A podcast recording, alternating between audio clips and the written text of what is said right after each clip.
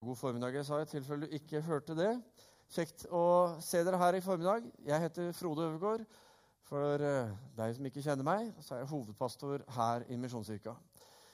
Vi er eh, kommet til den siste søndagen, som Jorunn sa innledningsvis, i denne prekenserien som vi har kalt 'Ærlige bønner', som er hentet fra Salmenes bok. Og Vi har sett på noen av de eh, mest ærlige bønnene som vi kanskje finner i Bibelen. Og Hver av disse bønnene som vi har sett på, de har eh, vært fylt med en dyp følelse av ærbødighet og gudsfrykt.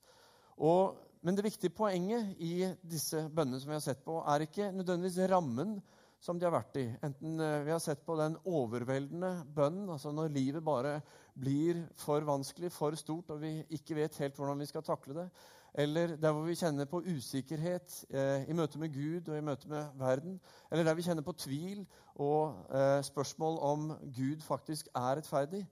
Uansett disse spørsmålene, uansett rammene, så er poenget som eh, vi også ønsker å løfte fram i disse ærlige bønnene som vi finner, det er at eh, det ligger en lengsel, en inderlighet og en lidenskap i de bønnene som vi har sett på, som eh, eh, ja, som jeg føler av og til at jeg i hvert fall skulle ønske jeg hadde mer av i mitt liv. Kanskje er det sånn med deg. Dagens tema det har vi kalt 'lengtende bønn', fordi vi har alle ting i livet vårt som vi lengter etter. Jeg husker når eh, kona mi, Marianne, når hun var gravid. Da var det fullt av lengsler i hjemmet vårt. Vi snakker om is, vi snakker om brownies, vi snakker om smågodt og tortillachips. Og det var bare mine lengsler. Men du kjenner igjen det bildet av graviditet og hvordan det kan skape behov, og sånne bare må ha-situasjoner. Og Sånn er det med livet. Vi har ting i oss som vi ønsker å se, ønsker å oppleve.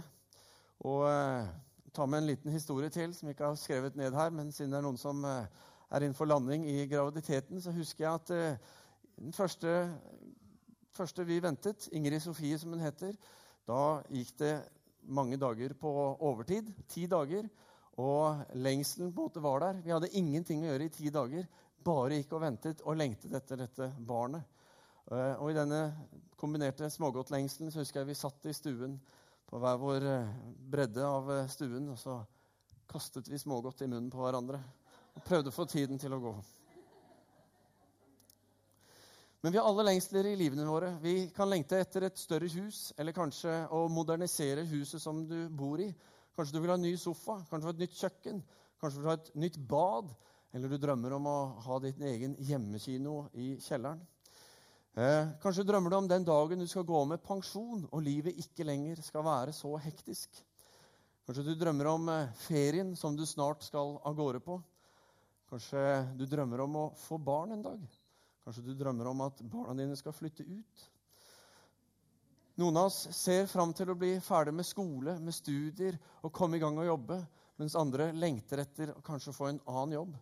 Poenget er vi har alle lengsler i livet vårt. Vi kjenner oss igjen i det. Og så er det sånn at Mange av lengslene våre også, eh, er nært knyttet til relasjoner i livet. Noen lengter etter at den eh, relasjonen som er brutt, den som ikke fungerer lenger, at den skal bli bra igjen. Kanskje lekter man etter den dagen hun skal gifte seg. Eh, jeg hørte om en seksåring, eh, sønn til en kar jeg kjenner. og Denne seksåringen kommer hjem fra skolen, og så forteller han om eh, Line i klassen som sa at hun så gjerne ville gifte seg med han. Og hvor Faren sa ja, da må du bare be henne om å vente 20 år. Så sa gutten ja, men jeg sa det, men hun sa hun kunne ikke vente så lenge. Vi har alle lengsler i livet. Så la meg spørre deg hva er det du lengter etter? Hva er det ditt hjerte roper etter? Hvis du kunne ha én ting akkurat nå, hva ville det være? I dag skal vi se på Salme 84. Og Vi skal se hvordan forfatteren av salmen her eh, svarer på nettopp dette spørsmålet. Vi skal begynne med å se i vers 2 og 3 i denne salmen, hvor det står Hvor elskelige dine boliger er, Herre Sebaot. Sebaot det er et eh, hebraisk navn for allhærs gud, eller hærskarenes gud. Så sier han videre, jeg lengtet, ja, jeg fortæres av lengsel etter Herrens forgårder. Nå jubler hjerte og kropp mot den levende Gud. Salmisten han lengter etter Gud. Han lengter ikke etter en død Gud og en slags filosofisk holdning til en tanke om Gud. Men nei, han lengter etter en levende Gud, og at han skal få være sammen med han. Det er noe ekte som han lengter etter og søker. Han er ikke interessert i en religion. Han vil ikke ha en gudstjeneste han bare skal sove seg gjennom. Han har ikke en haug med religiøse plikter som han bare har lyst til å kunne si at ja, disse har jeg også gjort.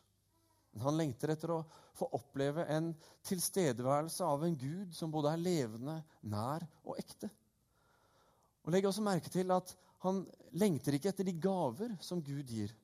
Men mange ganger så lengter vi etter at Gud skal eh, hjelpe oss med noe, kanskje få en jobb. Eller at Gud skal eh, velsigne oss, eller at han skal gi oss visdom. Og det er bra at vi søker Gud for disse tingene. Men salmisten han søker noe enda mer. Han sikter mye høyere. Han vil ha Gud selv. Han ønsker å være sammen med den levende Gud.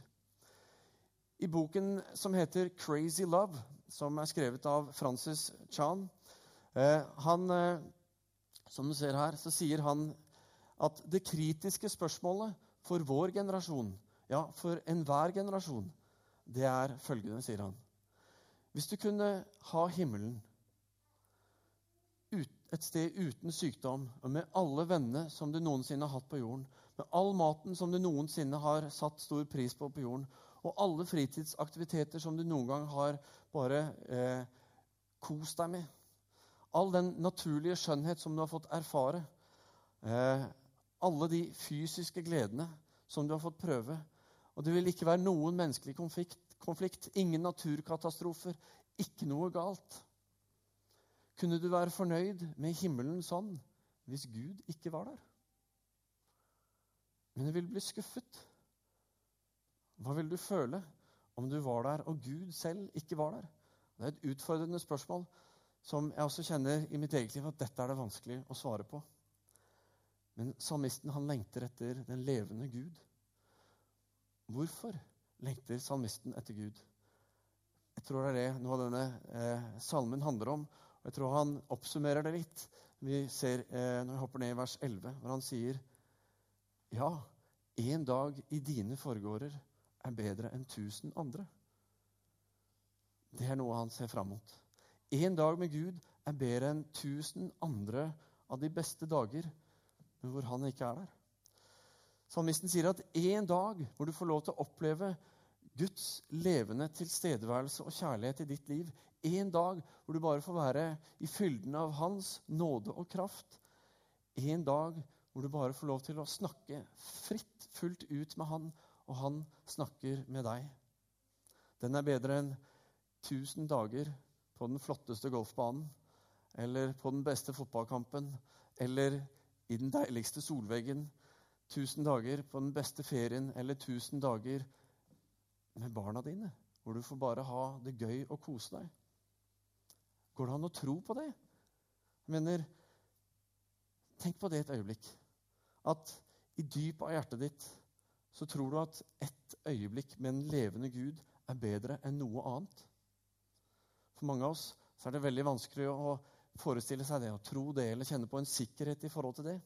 Derfor skal vi bruke resten av talen til å se på nettopp dette.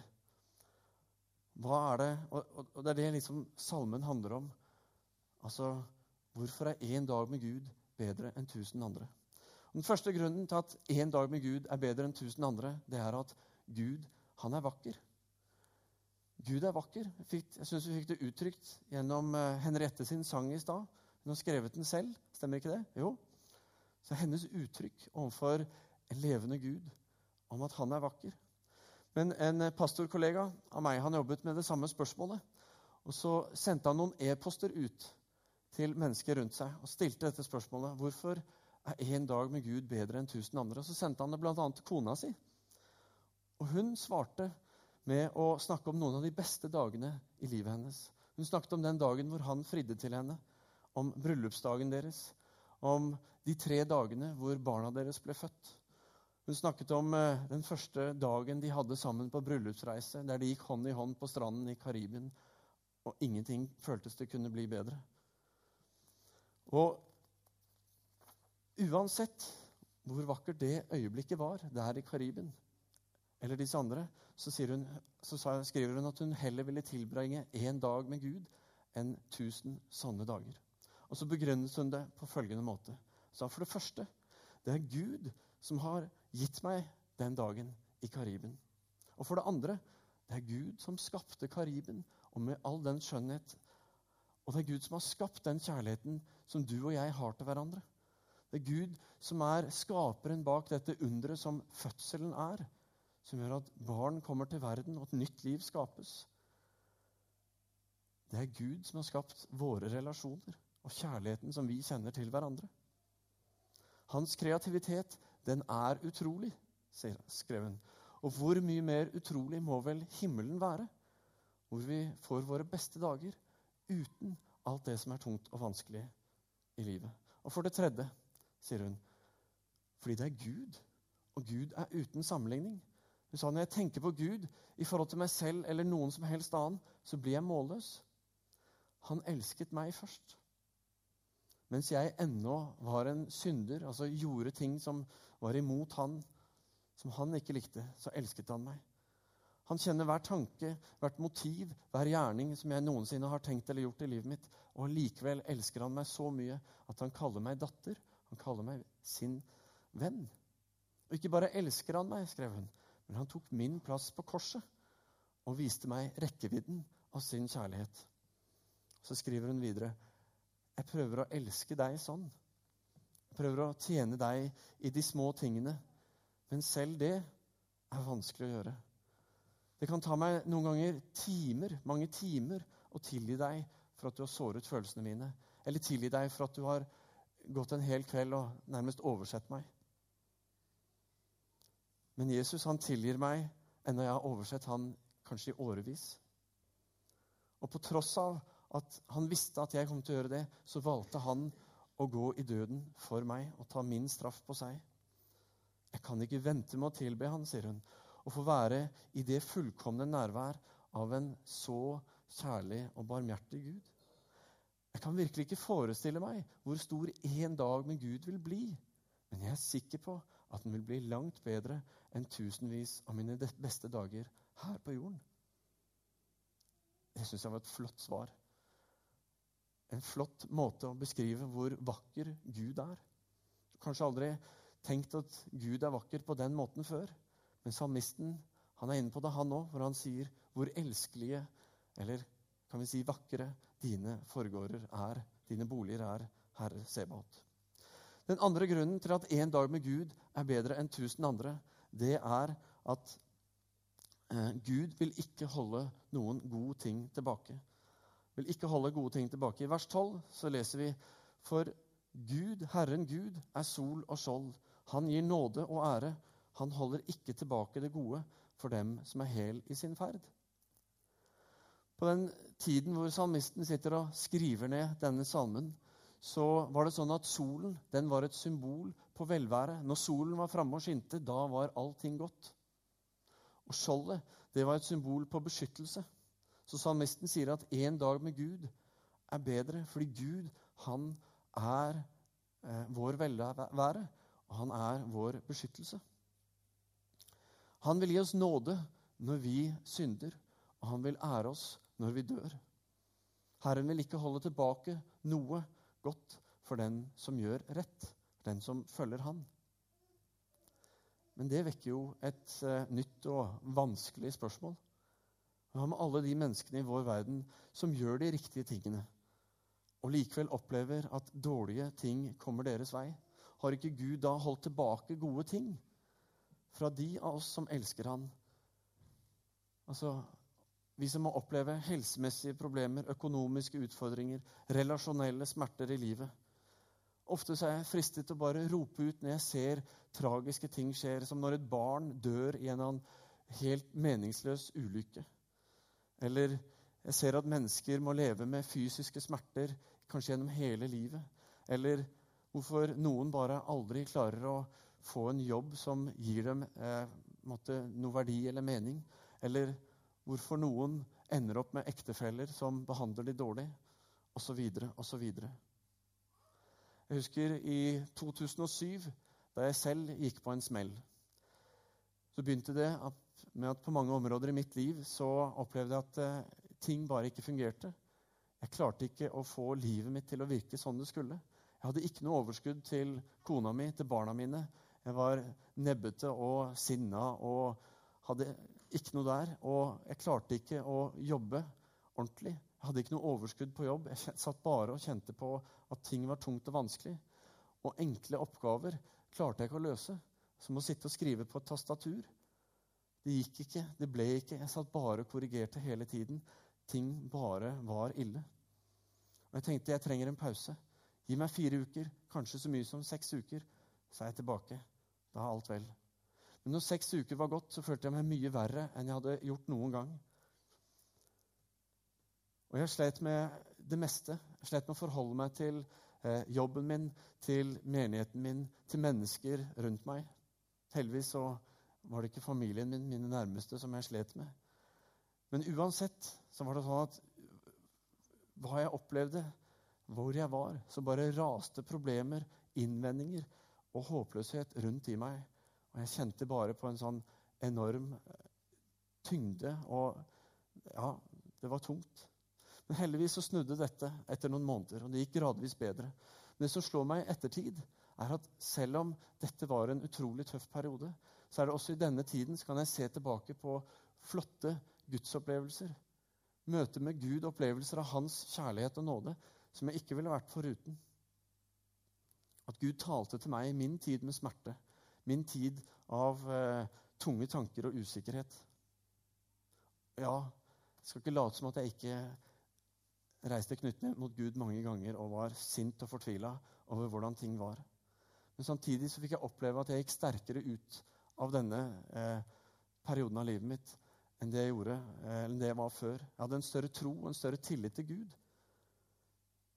Så Gud holdt ikke tilbake noe godt, men snarere så han, tillot han dette å skje for at jeg skulle få et, en større forståelse av hans tro, hans nærvær, hans velvære og beskyttelse over mitt liv. Jeg vet ikke hva du står overfor i livet ditt akkurat nå. Jeg vet ikke hva det er som holder deg våken om nettene, som gjør at du har tunge tanker og er fortvila. Kanskje er det smerte, kanskje er det stress og bekymringer. Jeg vet ikke. Men det jeg vet, det er at Gud, han er Gud. Gud, han er god, og Gud, han vil ikke holde tilbake gode ting for den som følger han som er hel i sin ferd, som det sto i salmen. Og Peter han sier i Det nye testamentet, i første brevet sitt, så sier han en kort tid så må dere lide. En kort tid må dere nok lide, men all nådes Gud, som ved Kristus har kalt dere til sin evige herlighet, han skal utruste dere, gi dere kraft og styrke og stille dere på fast grunn. Korsfestelsen er den sentrale begivenheten i den kristne tro. Og det kan fint argumenteres for at korsfestelsen er kanskje den verste form for henrettelse som eh, vi har sett i verden. Men det er også i denne rammen at Jesus åpner veien inn til herlighet for oss, til relasjon med Gud. Faktisk er det sånn at når Jesus hang på korset, så er jeg overbevist om at den eneste som tenkte på at det var en fantastisk gave, det var Jesus selv. Fordi han visste hva det handlet om. Han visste hva det medførte. Og så er det allikevel, hvor grusomt det er, så er det gjennom dette at vi mottar evig liv. Dette er den beste gaven som Gud noensinne har gitt. Derfor kan vi også si at en dag i lidelse sammen med Gud er bedre enn tusen andre. Og Det er derfor salmisten også sier at bare å få ligge ved dørterskelen, altså ved dør, terskelen til min Guds hus, er bedre enn å bo i de lovløses telt. Så hva det enn er du står overfor i livet ditt akkurat nå, så har jeg lyst til å spørre er det tenkelig at du kan se det i et nytt perspektiv og se at her er det en mulighet fra Gud. At Gud kan ta det som er tungt og vanskelig, og vende det til noe godt. Og det er noe som kan fylle deg med håp midt i den vanskelige tiden selv om du ikke ser det og forstår det. Den tredje grunnen til at en dag med Gud er bedre enn tusen andre, det er fordi det fyller oss med en forventning til himmelen. På mange måter så gir Salme 84 oss et glimt av eh, himmelen, hvordan den vil bli. I himmelen vil hver dag være som den ene dagen med Gud. Men så, sier, så, er det også det at hvis du er i helvete, som jo er himmelens motpol, så vil hver dag være som disse tusen andre uten. Kort sagt, altså himmelen og helvete handler om et sted hvor Gud er, enten fullt ut eller er helt fraværende. Men ofte når vi jeg hører folk snakke om hvorvidt dette med himmel eller helvete er noe som er eh, noe de tenker på eller lurer på, så blir man veldig litt sånn fleipete og flåsete på det. Ja, det som skjer, det skjer, og ja, hvem vet, det er ikke sikkert det er så gærent. Og andre sånne litt klisjéaktige måter å bare feie det videre på. Og kanskje tror jeg mange av oss utfordres på det at vi mangler en overbevisende visjon av hva himmelen egentlig er. Og noen ganger er alt vi trenger, nettopp en overbevisende visjon. Pastor og forfatter John Ortberg han uh, forteller en historie om en mann som var på en fest. og På den festen så ser han den vakreste kvinnen han har sett på lang lang tid. Og han bare vet med seg selv at 'jeg må få hennes oppmerksomhet før denne festen er over'. Jeg må liksom få kontakt med henne. Så han går bort til henne, og så begynner de en lett, lett en samtale. Og inni denne samtalen så forteller han at eh, min far han er veldig gammel. Og om ikke veldig lang tid nå så kommer han til å dø. Og når han dør, så kommer jeg til å arve 50 millioner dollar. Han fikk hennes oppmerksomhet, og de utvekslet visittkort, og alt virket veldig bra. Fem dager senere så fikk han et brev fra farens advokat som fortalte at denne kvinnen var blitt hans stemor. Noen ganger så er det en overbevisende visjon som må til for å få oss til å handle og se noe nytt, og for å gjøre endringer i livet. Ofte så har vi ikke en overbevisende visjon av hva himmelen er. Dels fordi Bibelen bare gir oss små glimt av hvordan det vil bli, og dels fordi det er så vanskelig å forstå en verden som er annerledes enn den vi kjenner og lever i. Hvis du skulle, altså Det er som å prøve å få en baby inni mors mage til å forstå hvordan livet på utsiden er. At det faktisk er annerledes. Men om du kunne komme inn til eh, babyen og fortelle den om de vakre trærne med blader som skifter farge, om disse små larvene som blir til sommerfugler og drar av sted, om de vakreste solnedganger som du kan se for deg så ville jo helt sikkert den babyen bare tenke Altså, verden, den er mørk. Verden, den er våt. Og den blir bare trangere og trangere. Det kan jeg love deg. Men så er det en fødsel inn til noe nytt. Og det er det fantastiske ved livet. På samme måte så er det utrolig vanskelig for oss å forstå hvordan himmelen vil være. Eller prøve å forstå i det hele tatt hvordan det kommer til å se ut. Men vi får noen glimt i Bibelen, som i Salme 84, eller som i Johannes' åpenbaring i kapittel 21, hvor det står Se, Guds bolig er hos menneskene. Han skal bo hos dem, og de skal være hans folk. Og Gud selv skal være hos dem. Han skal være deres Gud. Han skal tørke bort hver tåre fra deres øyne, og døden skal ikke være mer. Heller ikke sorg eller skrik eller smerte. For det som en gang var Unnskyld. Det er borte. Vi har en dag i vente når Gud skal gjøre alle ting nye. Og Hvis du er en av dem som har valgt å tro på Jesus og følge han, så er jeg overbevist om at i himmelen så vil du erfare Gud og en utstråling av hans vesen som vil overgå no, alt du noensinne har drømt om og tenkt om eller erfart i livet. Og du vil ikke bare oppleve det én gang, men hver dag. Tusenvis av dager. Ja, i evigheten. Det er vanskelig å fatte. Og Hvis du ikke har valgt å tro på Jesus, så har jeg lyst til å oppfordre deg til å seriøst tenke på å gjøre noe med det. Kanskje ta kontakt etterpå. Eller eh, fortsette å komme i kirken. Fordi kanskje en dag så vil du få se det du trenger for å forstå. Sånn at det å ta steg nærmere troen er viktig, fordi himmelen er virkelig, og den er skapt også med tanke på deg. Jeg tror en av grunnene til at jeg ikke opplever mer av Jesus i mitt liv, er fordi jeg har så lett for å fokusere på alle de tingene jeg ser. Alt det jeg ser på jobb, og som opptar oppmerksomheten min. Ting jeg ønsker å gjøre med huset vårt hjemme. Ærender som skal gjøres i det daglige. Klippe plenen osv. Barn som skal hentes, eller ting en skal gjøre sammen med de, ting skal planlegges. Alle disse tingene som jeg kan se og forholde meg til. Paulus sier i 2. Korinterbrev 4.: Vi har ikke det synlige for øyet, men det usynlige. For det synlige, det tar slutt. Det usynlige, det er evig. Og hvis livet ditt er oppslukt av ting du kan se, så vil himmelen ikke høres veldig fantastisk ut, for du kan ikke se den. Men når vi begynner å fokusere på de tingene som vi ikke kan se, da kan vi få lov til å se med andre øyne, med troens øyne, som vi synger. Og vi kan begynne å få en begeistring for hva himmelen handler om. Hvor fantastisk det vil bli. Og håpet om herlighet får vokse opp i oss, og vi blir fylt med en forventning til himmelen. Så la oss stoppe opp et øyeblikk i livet og begynne å feste blikket på Han. Han som vi ikke kan se eller fullt ut fatte, men som vi kan få erfare, som vi kan få lov til å lære å kjenne, og som lever i dag, og som taler til oss. Han som er usynlig, men som er levende og evig, nær og ekte. Himmelen kommer til å bli strålende. Jesus kommer til å være der. Og du skal få se ham ansikt til ansikt. Og du blir vakrere enn du noensinne har drømt om. Skal vi be.